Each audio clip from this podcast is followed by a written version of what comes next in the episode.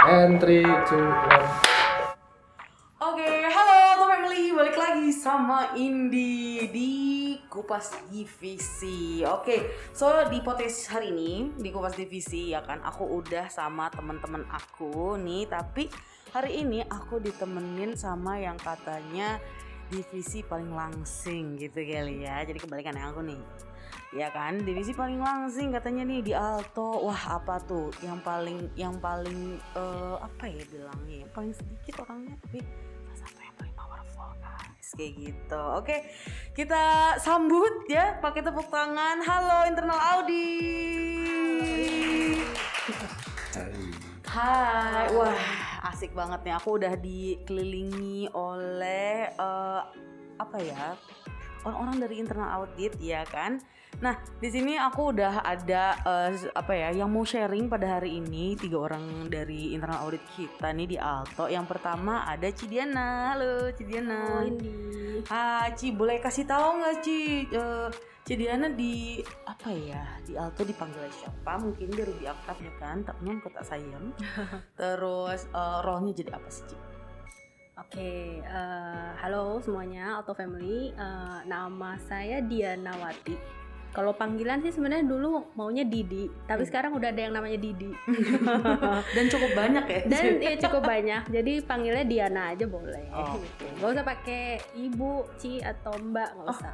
Tidak usah nih. Ya Diana aja langsung. Diana, Diana. wah. Biar stay young forever ya. Oh oke, nanti aku bernyanyi soalnya. Oh, gitu ya. Diana, Diana gitu. Ada dua-duanya ada lagunya ya. Didi juga ada lagunya kan. Oh iya, terkenal ya sebenarnya Iya. ya Diana nih. Oke oke. Oke, kalau role uh, ya I'm the one leading internal audit team di Hmm. Alto. Uh, betul banget tadi Indi bilang uh, internal audit ini one of the slimmest uh, apa division lah ya di Mm-mm. Alto karena kita juga baru lahir. Oh baru lahir guys. yes, jadi uh, internal audit baru ada like uh, when I'm joining Alto lah ya last oh, year. Oke. Oh last year, berarti baru Iya. satu tahunan ya? Baru satu tahunan, baru Oke. anniversary tahun lalu eh Juli lalu. Oh, Oke, ternyata nggak cuma uh, the slimmest, tapi one of the youngest ya? Iya, Wes, the youngest juga. Oke oke oke. Gitu. So berarti memang uh, Diana ini adalah uh, division head of internal audit di Alto ya? Ya. Gokil, gokil. Oke, oke. Thank you, Diana. Thank you, Indi. Welcome di Kupas Divisi. Nah, dan nextnya ada Cindy. Halo, hai Indi. Halo. Hai. Apa kabar, Cindy? Alhamdulillah baik. Baik, alhamdulillah. Kamu role-nya apa nih di internal audit? Oke, kalau di internal audit, uh, role aku sebagai business process audit associate. Mhm. Uh, kalau Didi itu mungkin udah satu tahun nih. Kalau aku new, new joiner baru, baru satu bulan. Oh baru satu bulan? Iya. Oh baru satu bulan guys. Wow, oke oke oke oke. Ini exciting ya karena eh, nggak cuma nggak nggak cuma divisinya yang baru ternyata kita juga ada new joiner juga nih di sini nih di sini ya. Wah di eh, kupas divisi pada kali ini ini exciting banget. Halo, selamat datang Cindy, selamat datang di kupas divisi. Oke. Nextnya ada yang paling ganteng di antara kita semua yaitu adalah Timothy. Hai Timothy. Halo, halo. Hai, waduh suaranya enak banget, bagaikan susu ya. Oke, Bagaikan- aku nggak tahu kenapa loh, aku ngomong bagaikan susu. Nah anyway, halo Timothy, apa kabar? Hai, baik, baik. Baik, oke kamu sa- di em, internal audit sebagai apa sih Timothy? Kalau saya di internal audit jadi IT internal audit manager. IT internal audit manager. Yes. Oke, kalau Cindy bisnis proses ya. Kalau misalnya Timothy IT-nya. IT. Oh oke, tapi manager ya. Iya. Wih, kita dari berbagai layer ada nih guys. Aku sangat senang pada Biar hari ini. lah. Iya, ada ada dari associate, ada dari manager dan kita bahkan punya hmm, ibunya nih, ibu internal audit of Alto ya kan. Itu adalah Diana. Oke, oke. Welcome welcome guys, welcome di Kupas Divisi. Mudah-mudahan kalian bisa bersenang-senang ya di sini ya. Sambil aku tanya-tanya sedikit tentang internal audit nggak apa-apa ya. Oke. Oke, oke. Siap, asik. Oke deh. Nah, eh, pertanyaan yang pertama sebenarnya gitu ya, eh, mungkin nggak semua orang eh, ngerti apa sih internal audit itu kayak gitu. Eh, sebenarnya internal audit itu ngapain? Apa bedanya mungkin sama ada istilah eksternal audit dan lain-lain gitu ya. Boleh kasih tahu nggak sih sebenarnya internal audit itu apa? Kayak gitu. Mungkin boleh dari Diana dulu kali ya. Oke, internal audit itu apa? Mungkin kalau orang udah dengar audit biasanya udah serem ya. Aku pun begitu guys. oh gitu. Jangan kita orangnya baik-baik kok. Oke oke oke. oke. Kelihatannya juga lucu-lucu kan. Iya. Actually uh, audit itu ya uh, sangat apa namanya erat hubungannya dengan kontrol, Mhm. resiko dan kontrol, terus juga erat juga hubungannya dengan independensi, Hmm? ya kan. Nah kalau untuk internal audit kita tambah satu lagi yaitu consulting. Gitu. Consulting, oke. Jadi kita sebagai internal consultant lah gitu Hmm, buat hmm, perusahaan. Nah, tiga hal ini ya basically bisa mencerminkan ya apa sih sebenarnya internal audit. Jadi kita itu adalah independent team yang sebenarnya recruited inside the company Mhm.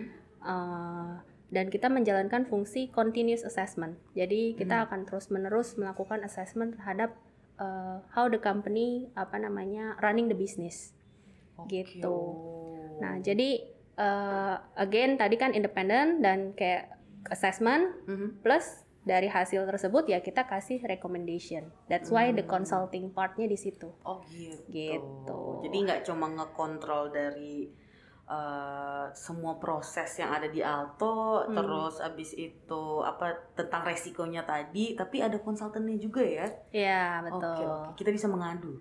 Bisa. Oh, bisa ya. Bisa mengadu nih ya pada internal audit. Oke, oke, Iya. oke, oke. Nah, terus tadi eh, menariknya nih aku merhatiin kalau misalnya Timothy itu IT internal audit manager, kalau misalnya Cindy itu business process associate, Mm-mm. ya kan? Nah, berarti ada eh, business process dan IT auditor. Nah, Betul. bedanya tuh gimana sih? Boleh dong Dina kasih tahu ke kita. Oke, jadi Alto ini karena internal auditnya baru kan, Mm-mm. eh, so I make it eh, apa namanya quite simple lah at the beginning Mm-mm. gitu loh. Eh, secara pilar kita bagi jadi tiga pilar. Mm-mm, Eh, pilar yang pertama itu adalah eh, IT audit, mm-mm, itu ya, Timothy, pilarnya Timothy, dan pilar yang kedua itu adalah business process Mm-mm. audit, itu di Cindy. Mm-mm. Nanti next month akan ada manajernya join. Oh wow, halo. Welcome. welcome, welcome. Deh. Welcome. Ha. Dan pilar yang ketiga itu disebut audit and control excellence. Audit and control. Oke, nah kalau dilihat kan apa aja sih ini tiga pilar gitu ya? Karena Hmm. Alto ini kan eh, kita punya vision the most connected switching, Oh, ya yes, kan? ya betul. Dan actually eh, karena switching company ya bisa dibilang di dalamnya itu eh, base-nya itu adalah tech company, ya kan? Hmm. Kita kayak more into tech company. Jadi pilar pertama ini adalah yang pilar yang paling strong lah ya, which is IT audit. Itu Gitu. audit. Oke. Nah, buat apa sih? Nah, again balik lagi ke definisi awal, Hmm. ya kita perlu melakukan kita di hire untuk melakukan continuous assessment.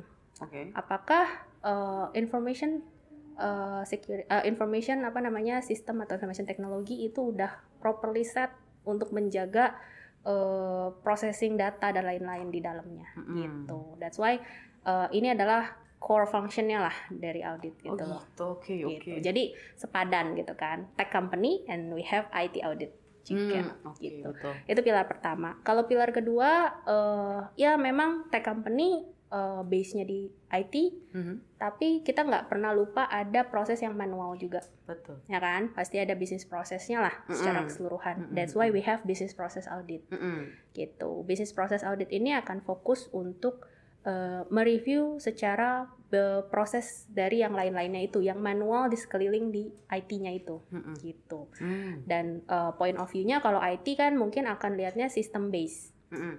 Kalau bisnis proses itu akan view-nya per proses base Mm. gitu. Jadi kita chop-chop prosesnya itu per division, ada proses apa aja gitu dan kita akan audit per proses tersebut. Gitu. Oh, oke, oke. Nah, kalau pilar yang ketiga ini kan unik ya, Mm-mm. audit and control excellence. Iya. Nah, ini sebenarnya eh, berkaca ke eh, function yang consulting tadi. Oh, oke. Jadi eh, di pilar yang ketiga ini namanya audit and control excellence. Eh, functionnya itu adalah lebih ke arah eh, maintaining the quality inside internal audit Mm-mm. dan juga eh, melakukan follow up terhadap eh, semua rekomendasi yang ada dari internal audit sendiri Mm. gitu. Jadi Oh, kan oke, tadi kan secara kita setelah melakukan audit kita tahu oke ada loophole-nya di sini, ada Mm-mm. potential improvement di sini Mm-mm. dan itu akan menjadi rekomendasi. Nah, fungsi audit control yang excellence ini adalah sebagai leading projectnya untuk kayak improvement improvement inisiatif yang kita uh, berikan. Oke oke, uh Gitu. ini banget ya, holistik sekali ya internal audit ini sebenarnya. Nah sekarang kalau misalnya aku kepo dulu deh dari Timothy nih, pilarnya Timothy which is tadi um, IT internal audit kayak gitu ya. Sebenarnya tadi kan udah dikasih tahu nih, kalau misalnya memang IT internal audit di sini tuh karena untuk menyepadankan, ya kan? Kita kan tech company ya bisa dibilang seperti itu, mak therefore ada nih kayak gitu kan uh, IT uh, auditor ini kayak gitu karena kesehariannya tuh sebenarnya tuh apa aja sih yang diaudit kayak gitu Oke, kesehariannya ya. Mm-mm. Sebenarnya kita basically based on project sih.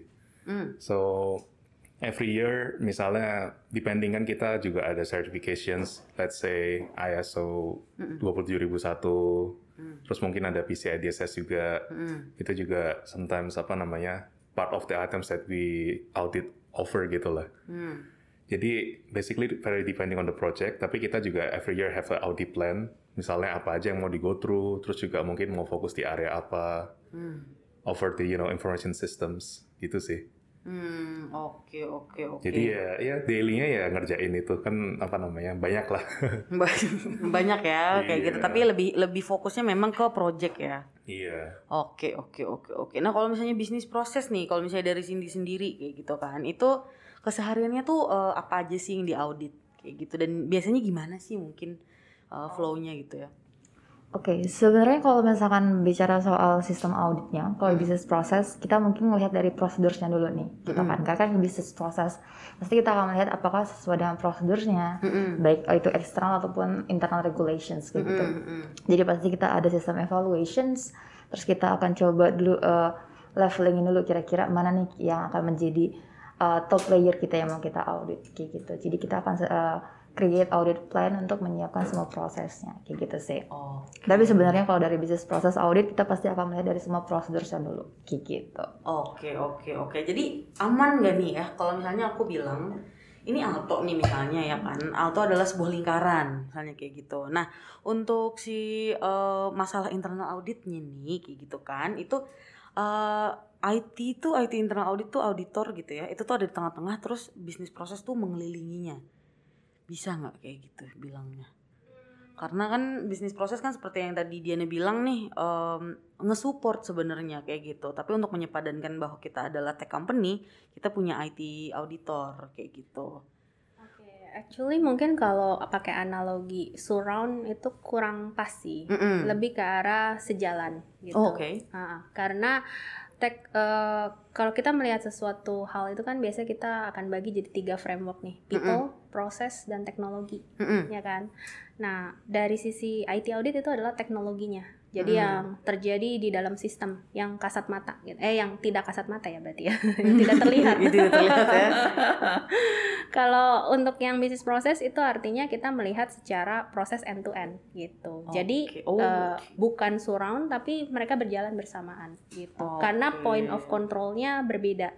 Yang satu dia fokus ke arah how to control how the system is secure enough. Mm-mm. Apakah sistem itu eh, apa namanya dijaga dari sisi versioningnya, Mm-mm. terus apakah misalnya dia kalau kenapa-napa itu bisa uptime-nya cepat lagi Mm. gitu. Jadi dia fokusnya uh, objek auditnya itu adalah sistemnya, how the system works gitu loh. Mm. Kalau bisnis proses itu kita lebih fokus ke arah proses end to end-nya gitu.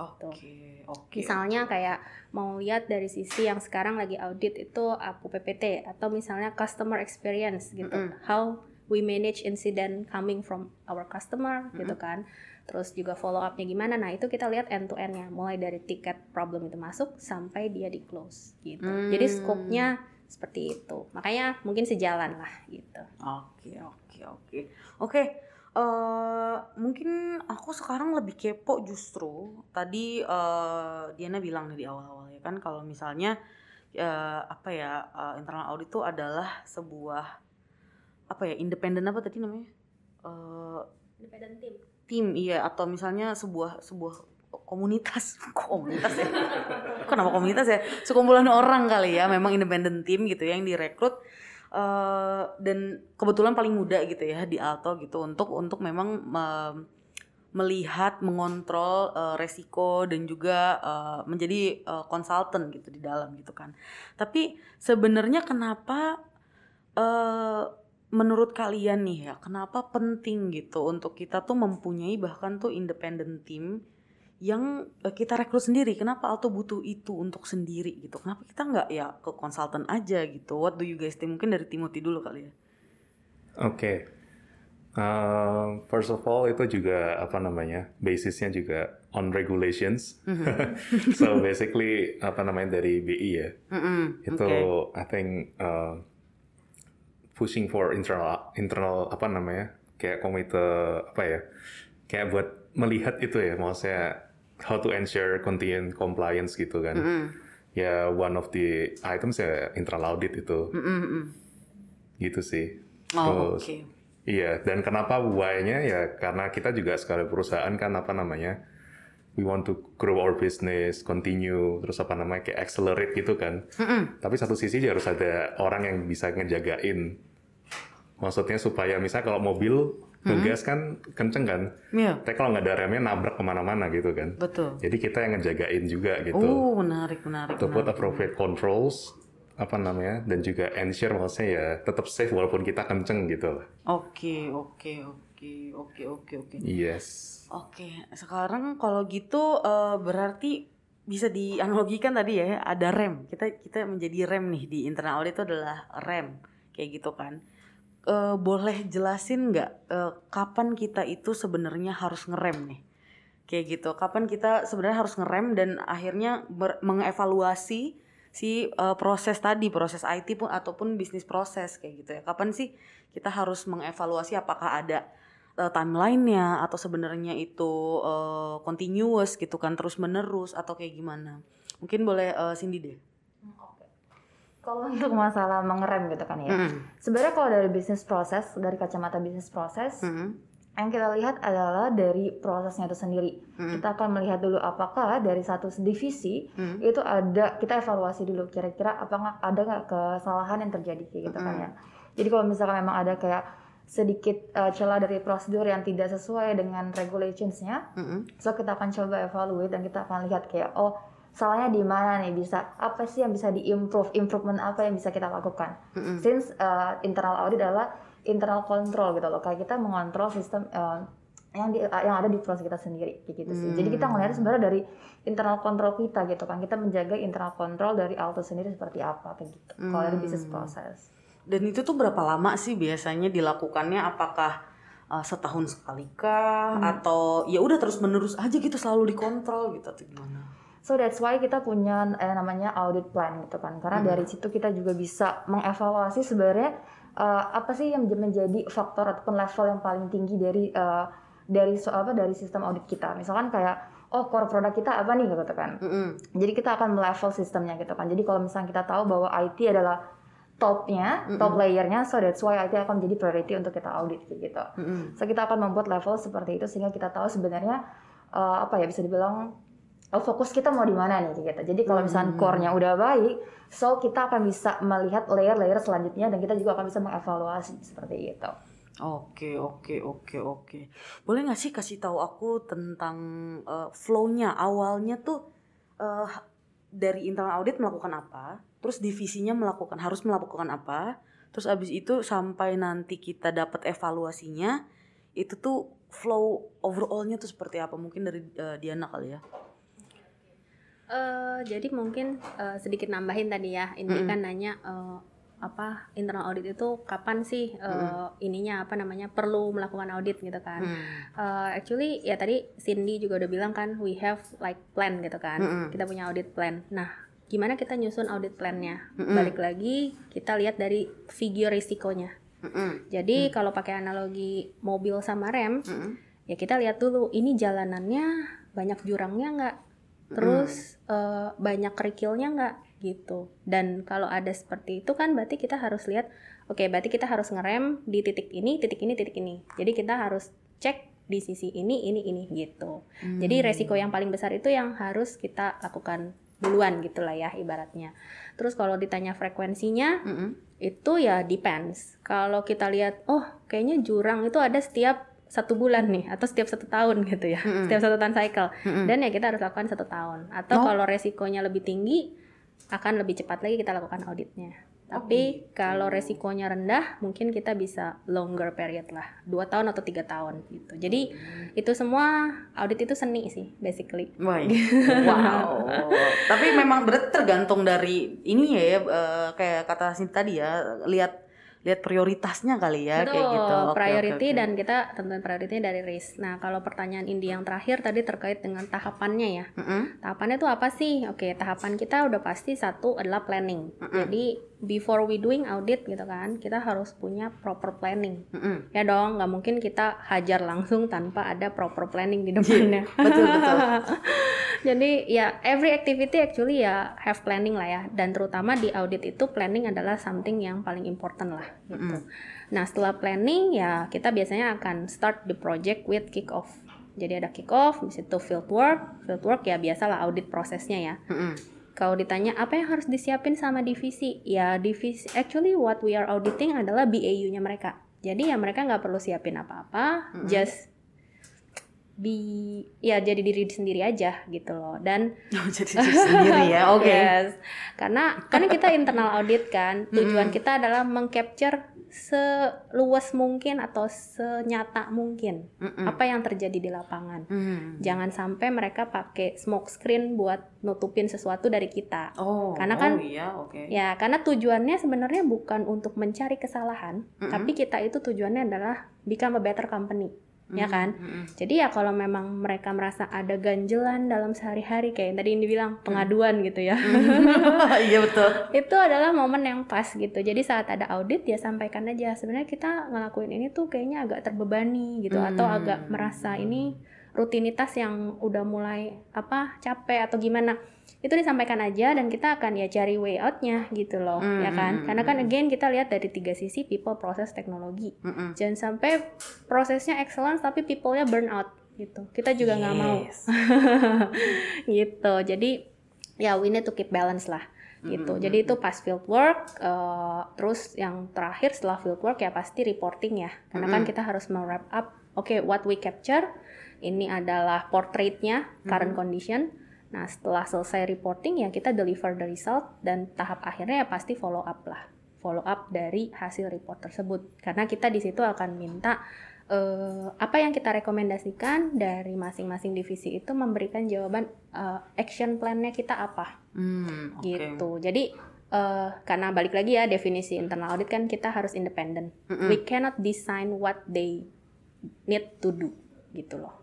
We, Oh, we cannot design, tapi kita bisa merekomen ya kan. Hmm, Dan ya. kita bisa memberikan concern, memberitahu concernnya apa. Concern ini dalam artian resikonya apa Oh, ya oke. kan. Nah, dan mereka sebagai owner dari proses tersebut, mereka akan mendefinisikan, oh, kita aware ada resiko ini dan kita akan menerapkan apa-apa aja untuk menghindari resiko tersebut terjadi. Hmm. Jadi, action plan harus dari sisi proses owner. Oke. Gitu, Oh, kayak- gitu. Iyalah, kayak misalnya nih kita eh, ngobrol gitu ya, Indi bilang, aduh, apa namanya, tenggorokan gak enak nih, gitu kan. Mm-mm. Eh, ya paling dari internal audit cuma bisa bilang oke rekomendasinya adalah coba banyak minum air putih ya kan Mm-mm. terus juga mungkin bisa coba minum vitamin dan lain-lain gitu kan Mm. tapi yang melakukan kan tetap dari Indi oke ini mau pilih yang mana nih apakah mau habis ini pulang cari vitamin ke apotek atau mau Clubbing. atau mau ah ya udahlah tenggorokan sakit mah minum Iya. obat juga bisa gitu Betul. kan Iya. ya kan atau mau Aduh. menerapkan pola hidup sehat jadi kita cuma bisa sebatas kasih tahu concernnya apa resikonya nanti kalau makin parah suaranya hilang loh gitu Iya, iya, iya. Seperti dokter ya, orang-orang audit nih. itu cok ya nggak juga sih Soalnya kan merekomendasikan berdasarkan apa Yes. yang udah dilakukan, terus kalau misalnya udah direkomendasikan apakah dijalankan atau enggak kan itu kan memang dari Ya. si uh, divisi tersebut ya. betul tapi kita berusaha ikat ters ikat komitmennya itu jadi beda nih kalau kayak dokter kan ya udah pulang terserah kan kalau kita kita akan ikat kayak eh, action plan-nya apa timelinenya kapan kita akan cek lagi gitu Mm-mm. jadi dilakukan nggak misalnya kayak oke janji deh habis ini akan berhenti makan gorengan Oke. Eh, timelinenya eh, mulai hari ini misalnya. Oke Ah. kita cek ya tiga bulan lagi beneran nggak nggak beli gorengan. Oh, gitu. Oh iya ya, memang Kayak gitu. Jadi kita dengan tagih janjinya. ya. Dibilang dengan kontrol ya, memang penuh sangat penuh kontrol. Oke oke oke. Oke mantap banget nih penjelasan Diana nih. Oke oke oke.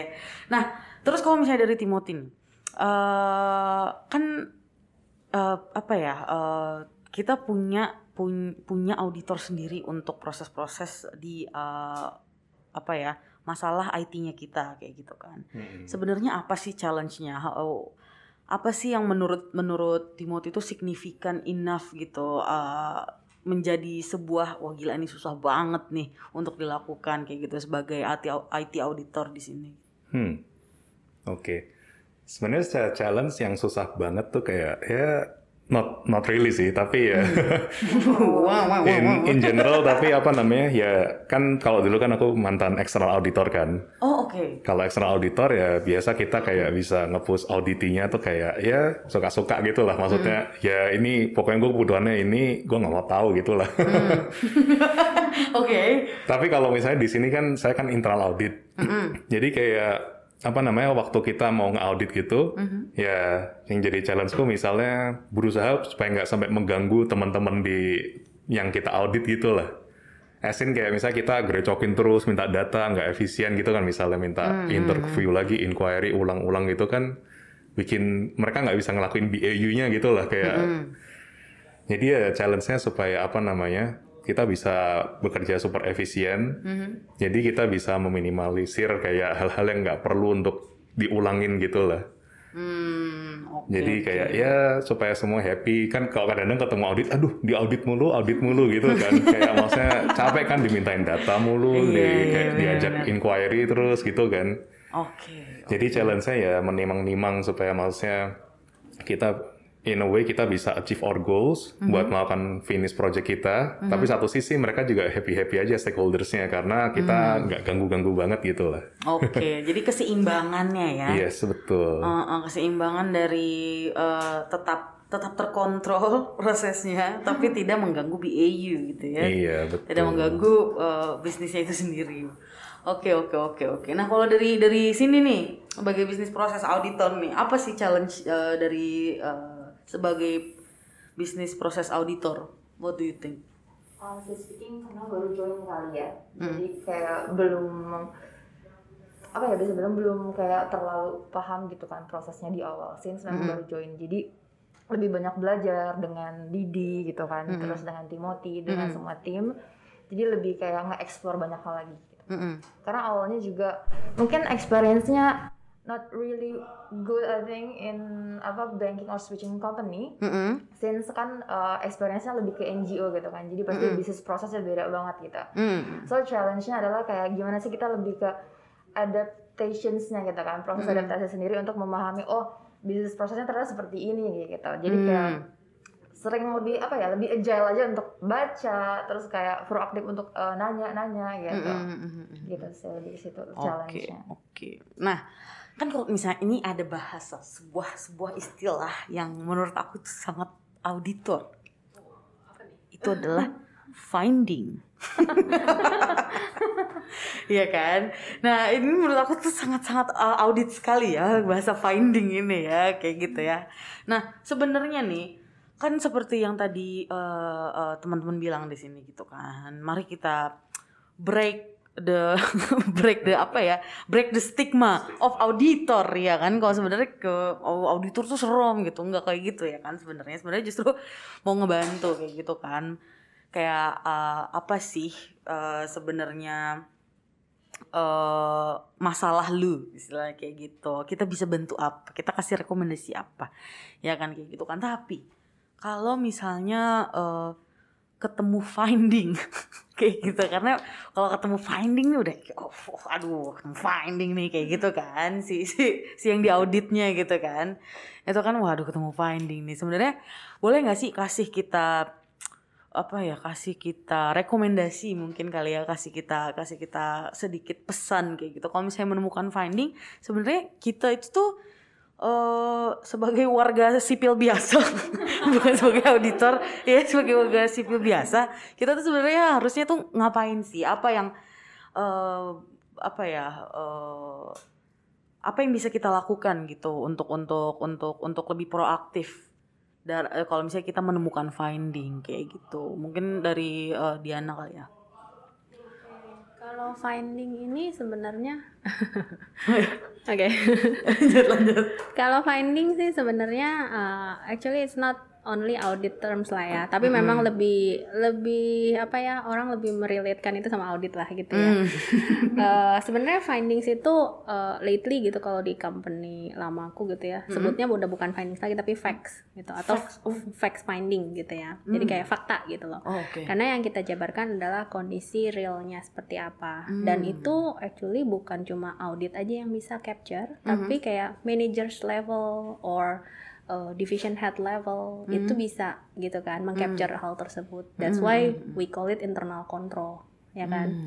Nah, apa sih yang harus dilakukan supaya bisa lebih proaktif? Mm-mm. Ya, berarti yang harus dilakukan first thing first adalah awareness-nya itu dulu yang harus dibangun ya. awareness Ya, awareness di sini dalam artian eh, kita kerja dan tahu apa sih sebenarnya meaning kerjaan kita, Mm-mm. ya kan? Bukan cuma sekedar robot gitu. I mean kayak ya udah following the procedure, we need to do this and that gitu kan. Tapi tahu apa yang kita apa yang terjadi kalau ini nggak kita lakukan. Apa yang terjadi kalau ini eh, kita lakukannya salah gitu loh. Nah di situ kan muncullah istilah resiko ya kan.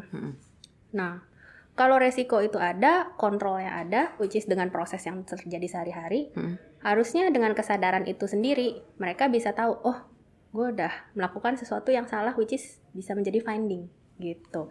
Jadi di tahap awal itu udah bisa ke eliminate dari diri sendiri.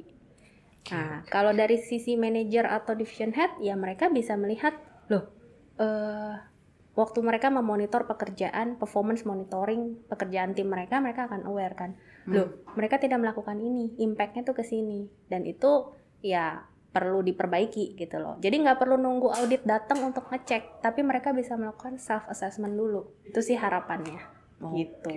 Jadi eh, yang kita lakukan betul apa namanya kita eh, melakukan review, terus nanti akan memberikan finding, terus nanti eh, akan ada rekomendasi gitu kan. Tapi eh, harapannya sebenarnya setiap hari itu masing-masing tim juga bisa melakukan self reflection dulu gitu loh. Hmm, setiap hari Setiap hari. oh wow oke guys Setiap hari. Karena kan kita datang kerja pasti dengan kesadaran ya. iya ya betul dong Bukan zombie. Iya. Meskipun ya, Ya, banyak kerja, banyak kan gitu ya. istilahnya during pandemic ini kita jadi zombie ya. Zombie, betul, Survival betul. mode on kan. Mm, mm, mm. Tapi ya harapannya jangan jangan gitu loh karena kita kan perlu put meaning to our life lah gitu ya. betul betul guys put meaning to your life ya Iya, jadi ya tadi kalau pertanyaan ini menjawab nggak sih? Jadi Indi kan nanya finding itu gimana sih bisa di itunya Oh, oh, oh, gitu ini kan. menjawab sekali.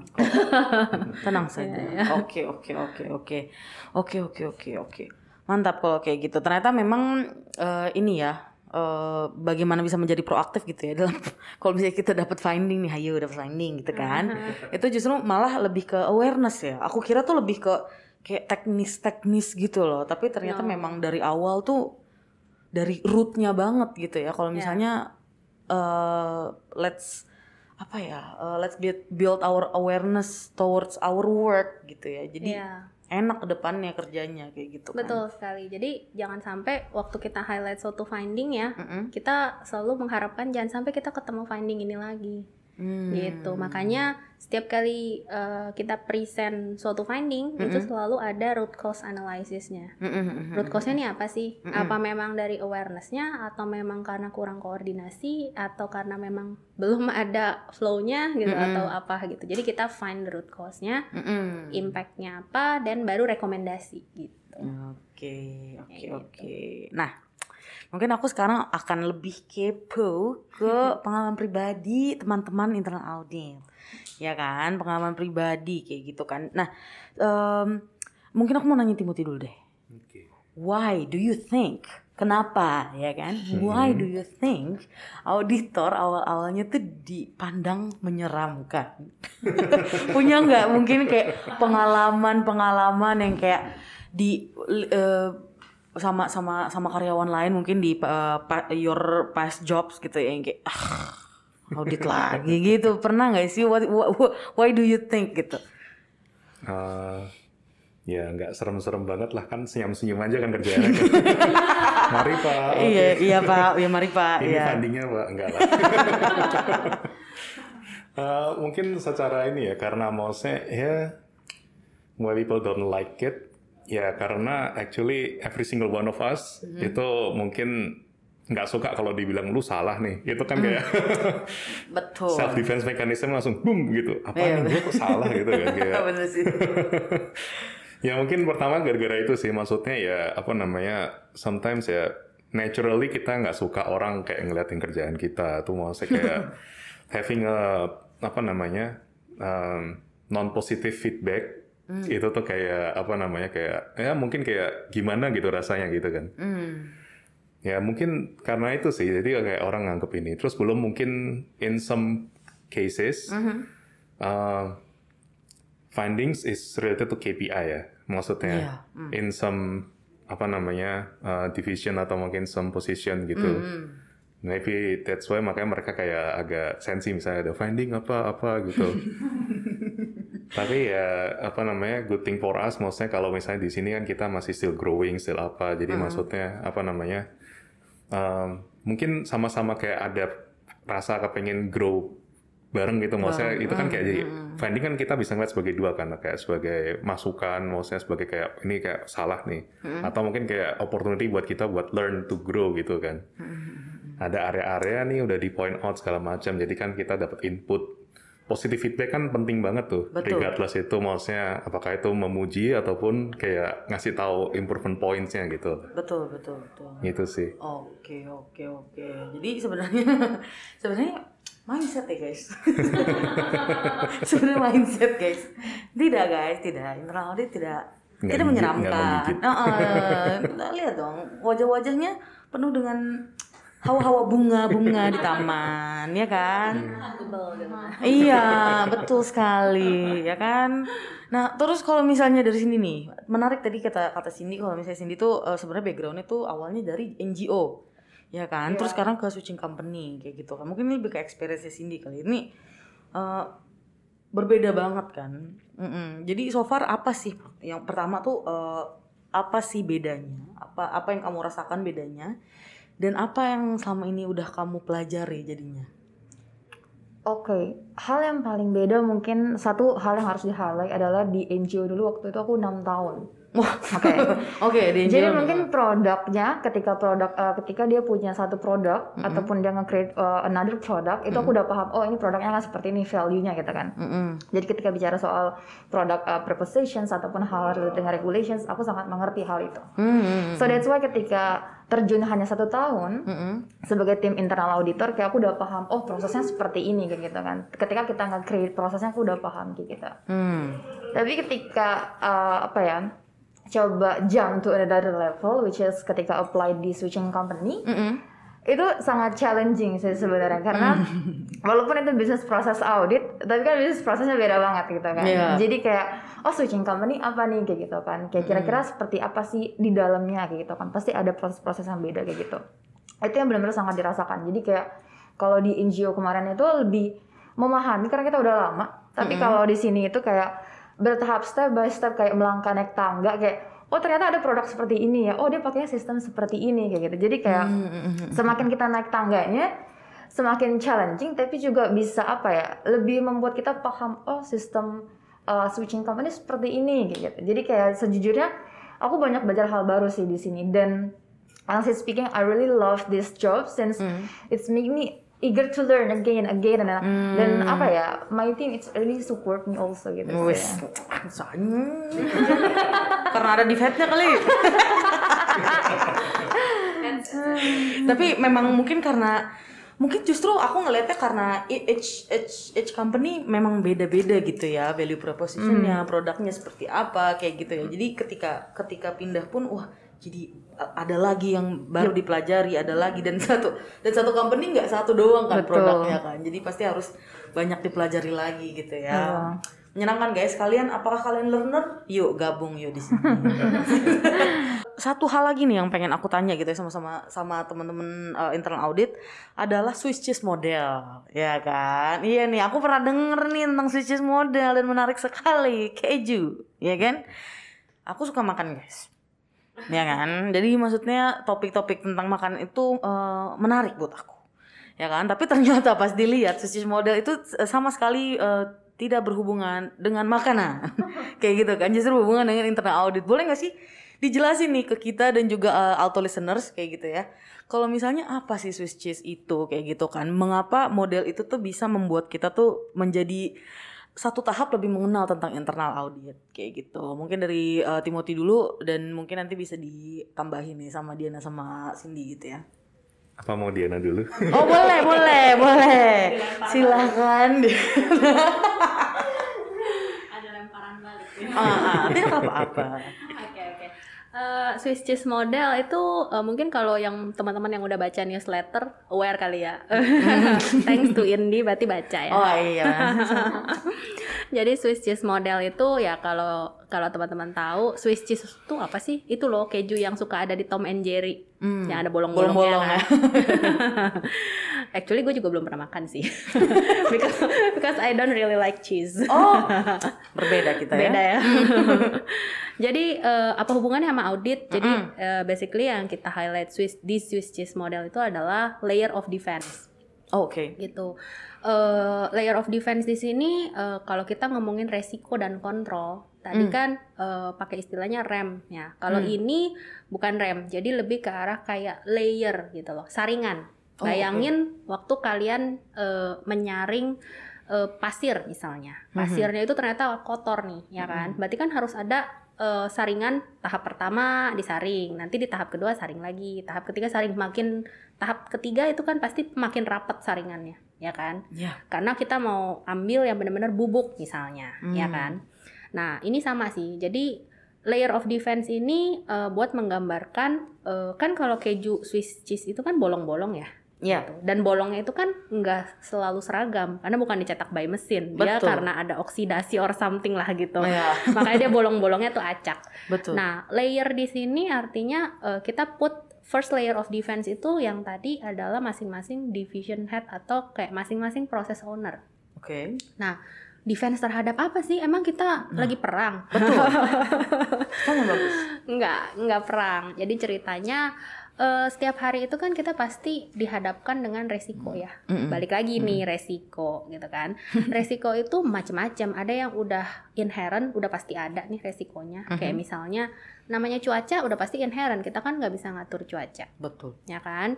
Nah, berarti dengan ada resiko itu berarti kan harus ada kontrolnya.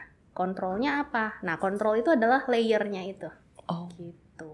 Kontrolnya apa? Bawa jas hujan kalau naik Mm-mm. motor, ya kan? betul betul betul Terus betul eh, apa namanya? Itu layer kontrolnya lah gitu ya. Mm-mm. Nah, layer kontrol itu kalau di perusahaan yang semakin besar dan semakin mature Mm. butuh lebih banyak karena kan bisa jadi dia lolos nih layer satu bawa jas hujan tapi jas hujannya sobek Hmm. percuma kan betul gitu. Nah, pada saat itu terjadi ada layer 2 gitu. Layer 2 ini untuk mengcapture yang layer 1 nggak bisa capture oh gitu. Jadi kalau bayangannya di organization ya, layer pertama itu kan tadi adalah proses ownernya sendiri. Makanya tadi sangat penting untuk build awareness gitu. Hmm. Kalau mereka sadar setiap hari pada saat mereka melakukannya pasti akan secara tidak langsung akan comply dengan prosedurnya. Bahkan mereka bisa self improve gitu loh. Ya kan? Yes. Itu layer pertama, pelaksananya. Layer kedua itu biasanya berada di eh, spesialis lah. Spesialis di sini contohnya kalau misalnya kita ngomongin IT itu bisa dilihat di IT security gitu. Security itu itu sebagai second layernya lah gitu Oh, ya. oke, Karena dia oke. jagain misalnya oh ada attack nggak dari luar gitu. loh. Mm-mm. Nah, first layernya kan adalah yang melakukan configuration setting di sisi servernya kan. Mm-mm. Second layernya adalah security yang menjadi menjaga gitu loh. Mm-mm. Third layernya itu baru internal audit gitu. Oh, jadi, paling paling ini ya paling yes. Hmm. Kenapa internal audit itu di third layer? Karena eh, kita itu again independent team. Mm-mm. Jadi sebelum sampai ke kita, berarti kan masing-masing pelaksana itu harus punya kontrol. Mereka itu yang berhadapan setiap hari, frontlinernya, first first layer of defense-nya. Betul betul. Mereka first layer of defense, second layer-nya itu yang tadi specialist. Hmm. Jadi di situ bukan cuma IT security ya, ada compliance gitu kan. Dan ada ya GRC itu part of compliance juga kan. Itu mereka sebagai second layer of defense-nya. Jadi Hmm. mereka akan melakukan review secara berkala terhadap beberapa kontrol yang signifikan. Gitu. Kayak tadi Hmm. vulnerability mereka akan melakukan assessment kan, selalu Ya. rutin gitu kan. Uh, third layer-nya itu di audit dan kita uh, bekerjanya on sample base gitu. Dan berdasarkan yang balik lagi tadi di awal kita udah bahas resiko. Resiko. Mana nih yang lagi high profile? High profile dalam artian risk-nya lagi emerging, lagi naik gitu kan. Karena ada suatu hal, misalnya tadi hujan lah gitu. Contoh nyatanya jangan terlalu teknis lah ya. Mungkin Iya, ada yang hujan bingung. ya. misalnya hujan gitu kan. Ya apa namanya? Kan dari audit yang nggak bisa ngelihat setiap hari gitu. Kita maksudnya ya on yearly basis. Oke, Pasti, kita lihat pasti. impact-nya aja paling. Nih orang flu berapa kali nih karena kehujanan. Oh oke oke lihat Kayak dari gitu. impactnya ya hasilnya ya. Iya, karena kita Oke. kan sifatnya detektif gitu loh. Kita lihat mundur ke belakang nih. Oke. Beda oke. kalau yang sehari-hari ada preventif ya kan, Hmm, preventif control gitu. Kayak gitu-gitu. Jadi eh, itu third layer dan biasanya kalau di eh, te- teori yang baru ada fourth layer of defense. Oke. Bisa tebak nggak nih siapa? Quiz for Indi. Siapa ya Verler ya? Cluenya audit juga. Audit juga. Yes.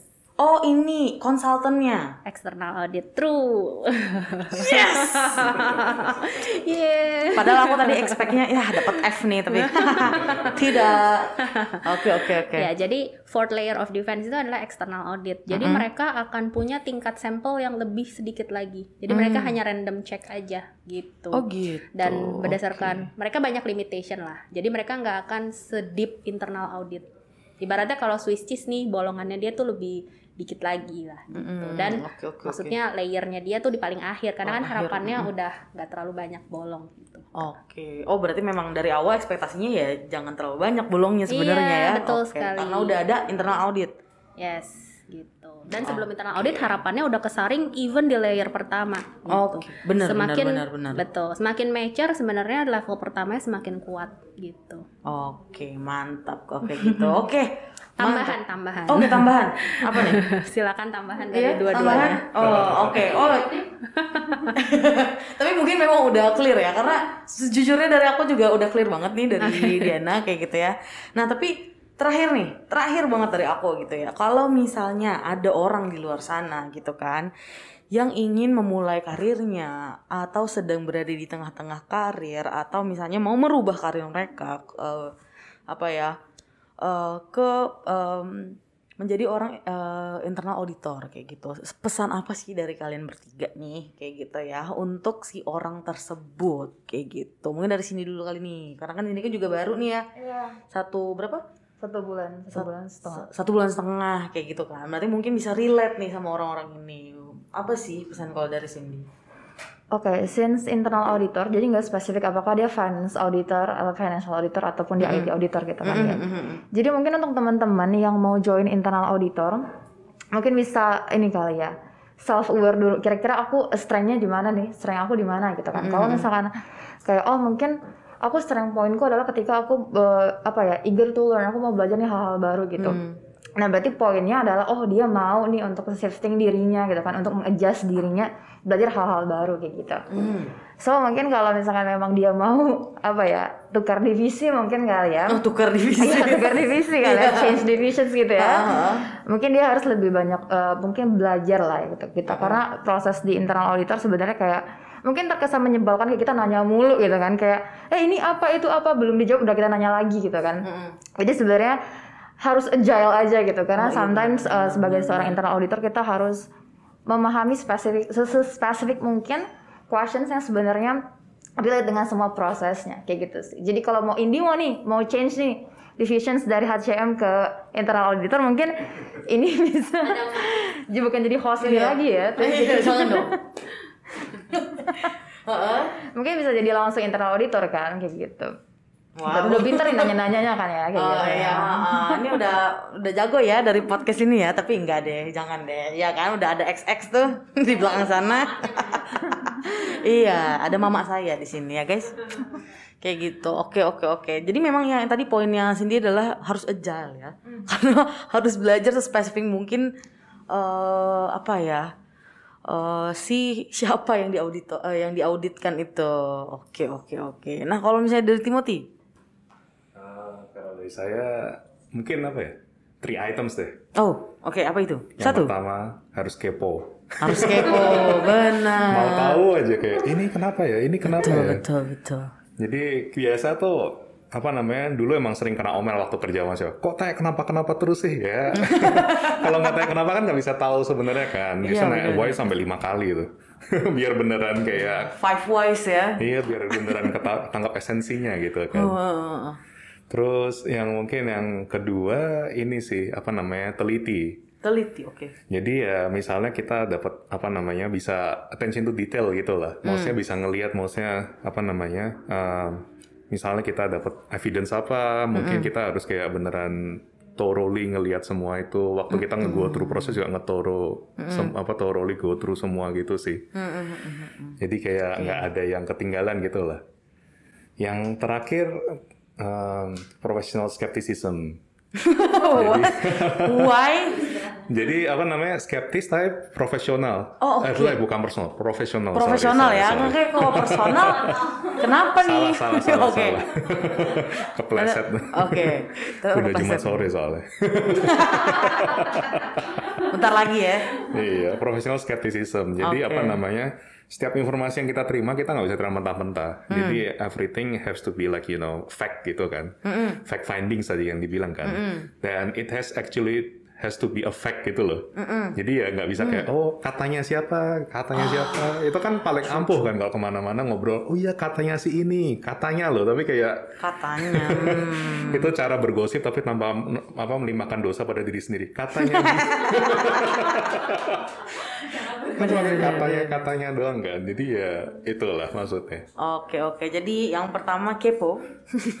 yang kedua itu teliti. Yang ketiga itu professional skepticism. Iya, iya. Bagus ya. Terus ditambah dari poinnya sini eh, agile ya untuk belajar. Oke, wah udah dapat 4 poin nih guys. Tips nih dari teman-teman kita. Nah, terakhir dari Diana gimana nih?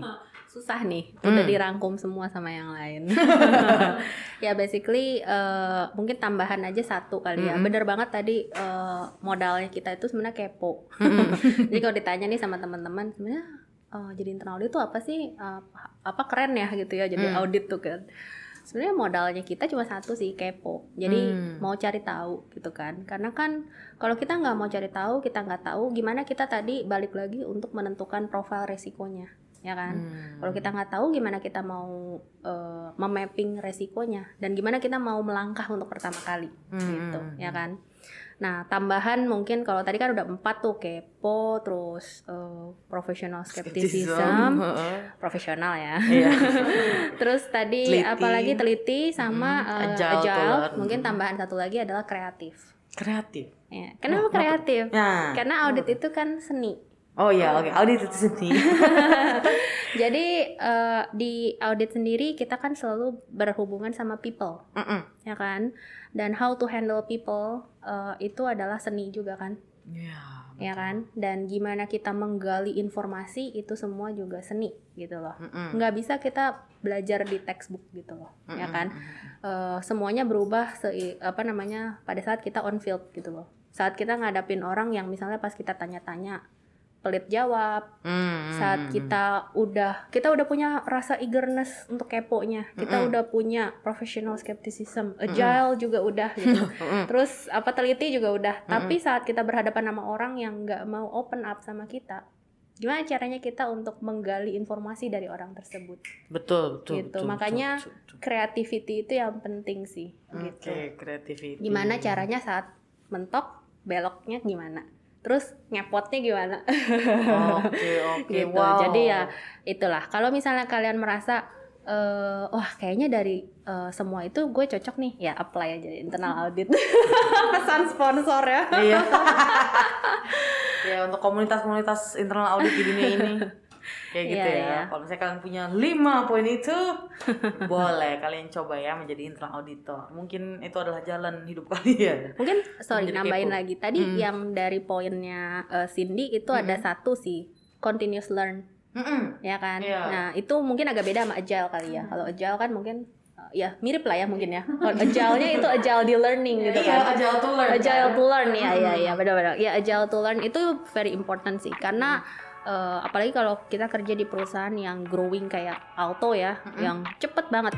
Bulan ini sama tiga bulan lagi bisa jadi beda gitu.